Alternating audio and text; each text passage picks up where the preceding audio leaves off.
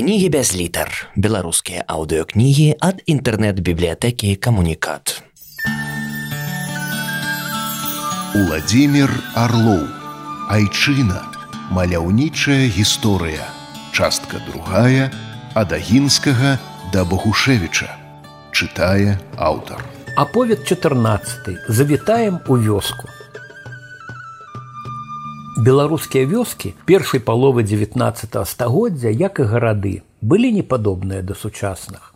Апынуўшыся ў роднай вёсцы альбо ў вёсцы сваіх дзядоў і бабуляў 200 гадоў таму вы пазналі б у лепшым выпадку старадаўнія царкву ці касцёл а яшчэ можа наваколле рэчку ці возера зялёную сцяну лесу на даляглядзе альбо курганы пасярод поля Усцяж вуліцы стаялі б драўляныя хаты, крытыя саломай, чаротам або тонкімі дошчачкамі, дранкай, якую яшчэ называлі гонтай.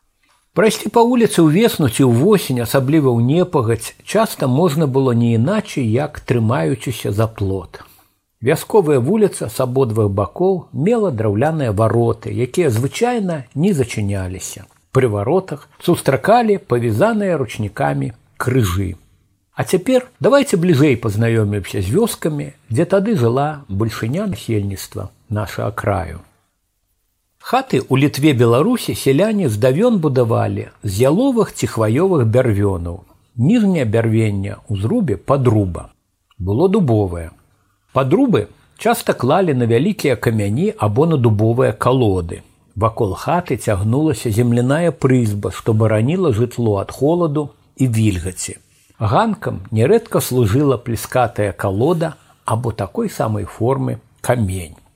Маленькія курныя хаты, дзе бывала не прыдыхнуць ад дыму, адышлі ў мінулае. Цяпер дым ад цаглянай глінабітнай або каменнай печы выходзіў у комін. У хатах з'явіліся сенцы і адзін ці два жылыя пакоі. Падлога была амаль паўсюль земляная ці глінабітная і называлася токам або долам. Ад печы сцяж глухой сцяны на вышыні ў палову чалавечага росту цягнуўся пол, спальны памост. На ім лежалі напханыя сенам ці саломую матрацы, сеннікі, падушкі і посцілкі. Замест даўнейшых вырабленых скураў ці пухіроў жывёл у невялікіх вокнах з'явіліся шыбы з не надта якаснае шкла з вясёлкавымі разводамі. Добра, калі ў вокны зазірала сонца. А вось у цёмную пару хату крыху асвятляў толькі цьмяны агеньчык ад запаленай доўгай тонкай трэсачкі лучыны. Ніжэй вокнаў амаль наўсюды ўжыню сцен цягнуліся лавы. З таго кута, дзе лавы сыходзіліся, глядзелі на людзей з-пад столі Ісус Христос, маці Божай ды іншыя святыя. Абразы з іх выявамі з любасцю аздаблялі ручнікамі набожнікамі. Гэтае надзвычай важнае ў хаце месца называлася покуццю. На засланым саматканым абрусам стале, які стаяў на покуце, звычайна пакідалі накрыты ручніком бохан хлеба. Менавіта на покаце сідаў за стол гаспадар, калі сям'я абедала або вячэрала. На покуць саджалі і ганаровага госця. Беларусы здаўна займаліся насамперш земляробствам, што давала збожжа. Таму асноўным прадуктам харчавання у вяскоўцаў быў хлеб з жытняй мукі. У яе часта дамешвалі ячменную, пшанічную, грецкую ці аўсяную. Апрача хлеба з мукі варылі кашы, рабілі клёцкі, пяклі бліны, а на святы перагі. Селянскія гароды давалі капусту, буракі, моркву, рэпу. Капусту варылі, тушылі і квасілі. З буракоў рабілі смачныя халаднікі, Гаспадыні ведалі, што можна прыгатаваць сям'і з бобу і гароху. У 19 стагоддзе на стале пачалі з'яўляцца разнастайныя стравы з бульбы.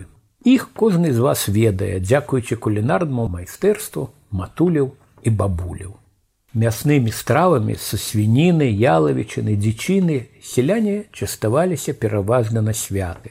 Асабліва на зімовыя, бо перад калядамі гаспадары калолі віпручкоў. З мяса і вантробаў выраблялі каўбасы, каўбухі або кіндзюкі, сальцісоны.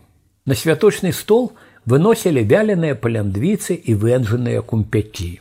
Ды святы хутка міналіся, і заашчаджаныя каўбасы з салам прыхоўвалі да летняй цяжкой працы. Сенакосу жніва малацьбы.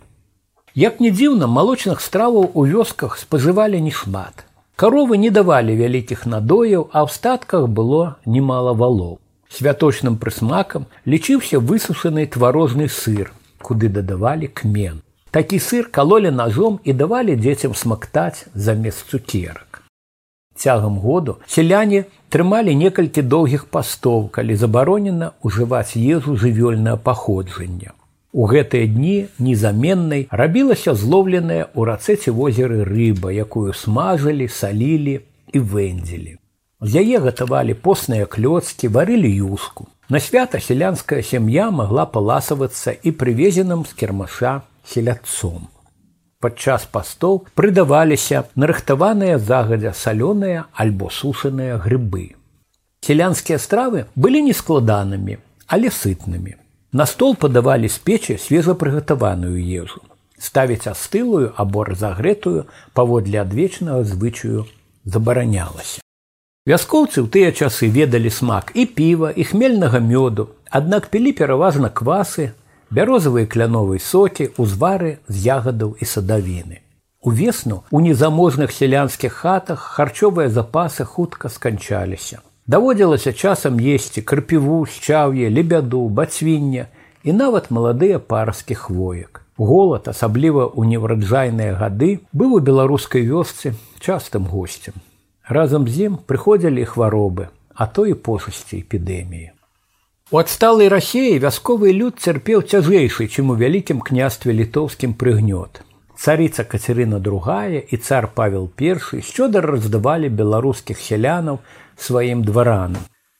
За 30 гадоў прыгоннымі расійскіх памешчыкаў зрабілася паўмільёна беларусаў. Наогул жа доля прыгонных сялян у беларускіх губернях хутка стала вышэйшай, чым у глыбіні імперіі.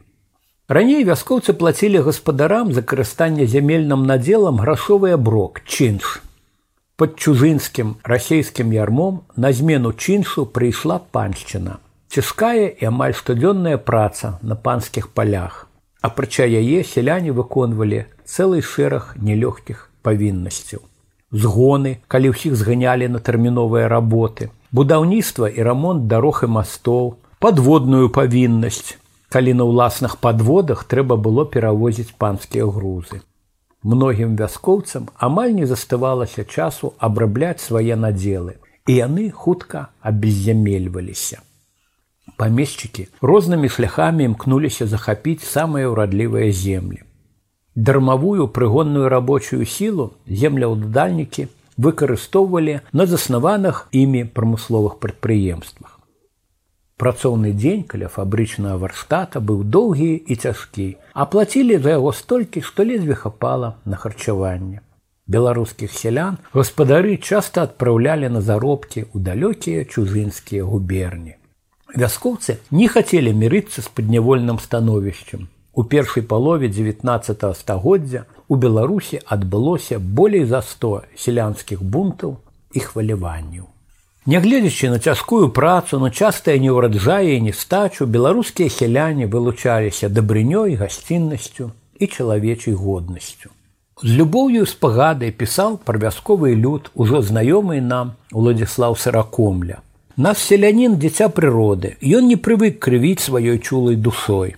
Ёсць вялікая глыбіня пачуццяў у ягоных загарелых касцістых грудзях, прыкрытых грубай і падранай світкай. Паглядзіце, як паважны гаспадар сям'і у вольную ад турбот хвіліну бярэ на калені малое і ўрачыста садзіцца з ім на прызбе. Паглядзіце, як шмат у сялян песняў пра тугу маці па сыне, які апынуўся на чужыне ці быў забіты на вайне.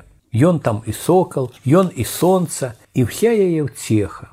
А паглядзіце, якая доўгая і ціхая жальба, якая светлая памяць пануе ў хаце па нябожчыку. Поўныя павагі нататкі пра адметную частку нашага народу полішуку належаць гісторыку 19 стагоддзя Адаму кіркору. Полішукі асуджаныя на вечнае змаганне з прыродай, аднак умеюць перамагчы усе цяжкасці і перашкоды. Жыхары тых мясцін піша кіркор, пабожныя, паважныя, маюць у поглядах на жыццё паэтычны настрой. У норавых і звычаях яны верныя запаветам прадзедаў, што робіць іх мацнейшымі. Самі спадарожнікі з рассеі адзначалі, што беларускія сяляне больш ахайныя працавітыя за іхніх, што яны захавалі шмат несапсаваных славянскіх рысаў.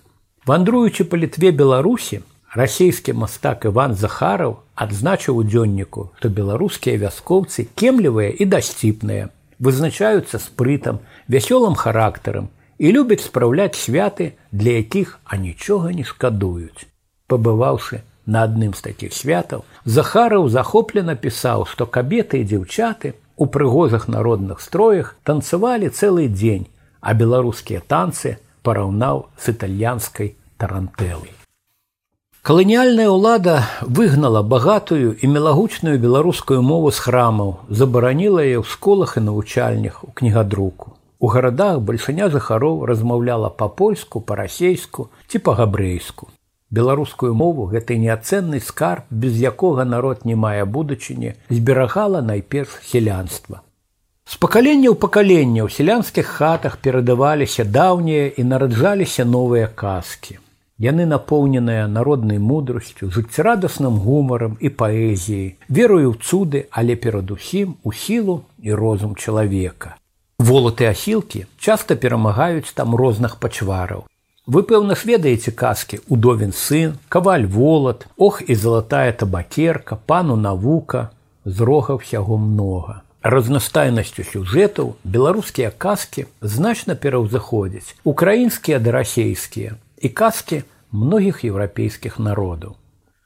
Селяне былі захавальнікамі яшчэ аднаго багацця беларускіх песняў. Кожная пара году, кожнае свята мелі свае песні, З імі сустракалі каляды, гукалі вясну, шукалі на купальля цудадзейную папараць кветку. Народныя песні гучалі на радзінах, заручаных і вяселлях, на талоках, калі людзі збіраліся разам на пільную і цяжкую працу. У сялянскіх хатах прыдзенне прыднепроўя, пазеры і палесся, бацькі, бабулі дзядулі апавядалі дзецям легенды і паданні, правяралі малых на кемлівасць загадкамі ад хваробаў і неўраджаю ад пустога коласа і рэдкага воласа ад голасу зычнага і харчу нязвычна засцерагаліся за мовамі беларуская мова гучала ў дзіцячых гульнях і дарослых забавах. Яна была з сялянамі ад нараджэння да скону